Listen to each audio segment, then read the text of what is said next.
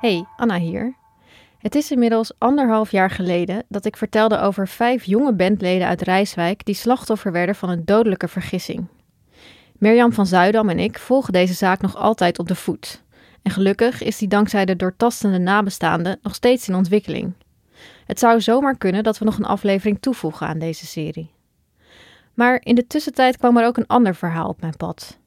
Samen met onderzoeksjournalist Bas Haan en mijn podcastcollega's Gabriella Ader en Tessa Kolen volgde ik een jaar lang een groep studenten van de Vrije Universiteit in Amsterdam.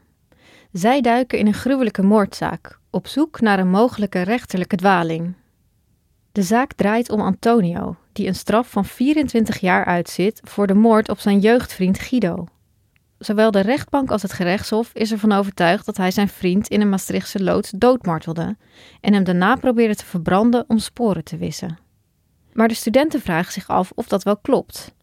Heeft justitie het verhaal van Antonio voldoende onderzocht? En wat schreef de politie allemaal niet op?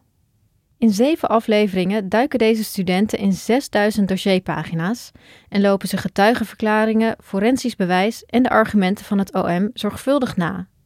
Voor Antonio zijn zij zijn laatste kans. Vinden ze aanwijzingen voor zijn onschuld of bevestigen ze de veroordeling? Je hoort het in onze nieuwe podcast Gereden Twijfel, de Maastrichtse martelmoord.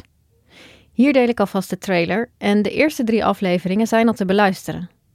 Veel luisterplezier en hopelijk tot snel. Het wordt steeds raarder. Je ontdekt steeds meer dingen waarvan je denkt, dit, dit klopt niet helemaal. Elf studenten duiken maandenlang in een moordzaak.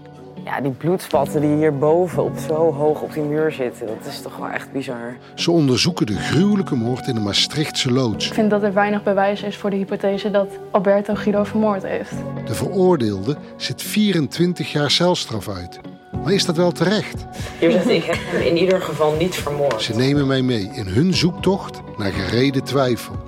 Welke fouten zijn er gemaakt? Ik ben Lorena. Ik ben Jamie. Ik ben uh, Arame. Ik ben Sanne. Ik ben Karen. Ik ben Ruby. Ik ben Dagmar. Ik ben Kimmy. Ik ben Marielle. Ik ben Billy. En ik ben Danja. Ik ben Bas Haan en dit is de nieuwe podcast van NRC. Gereden twijfel is vanaf 14 juni overal te beluisteren.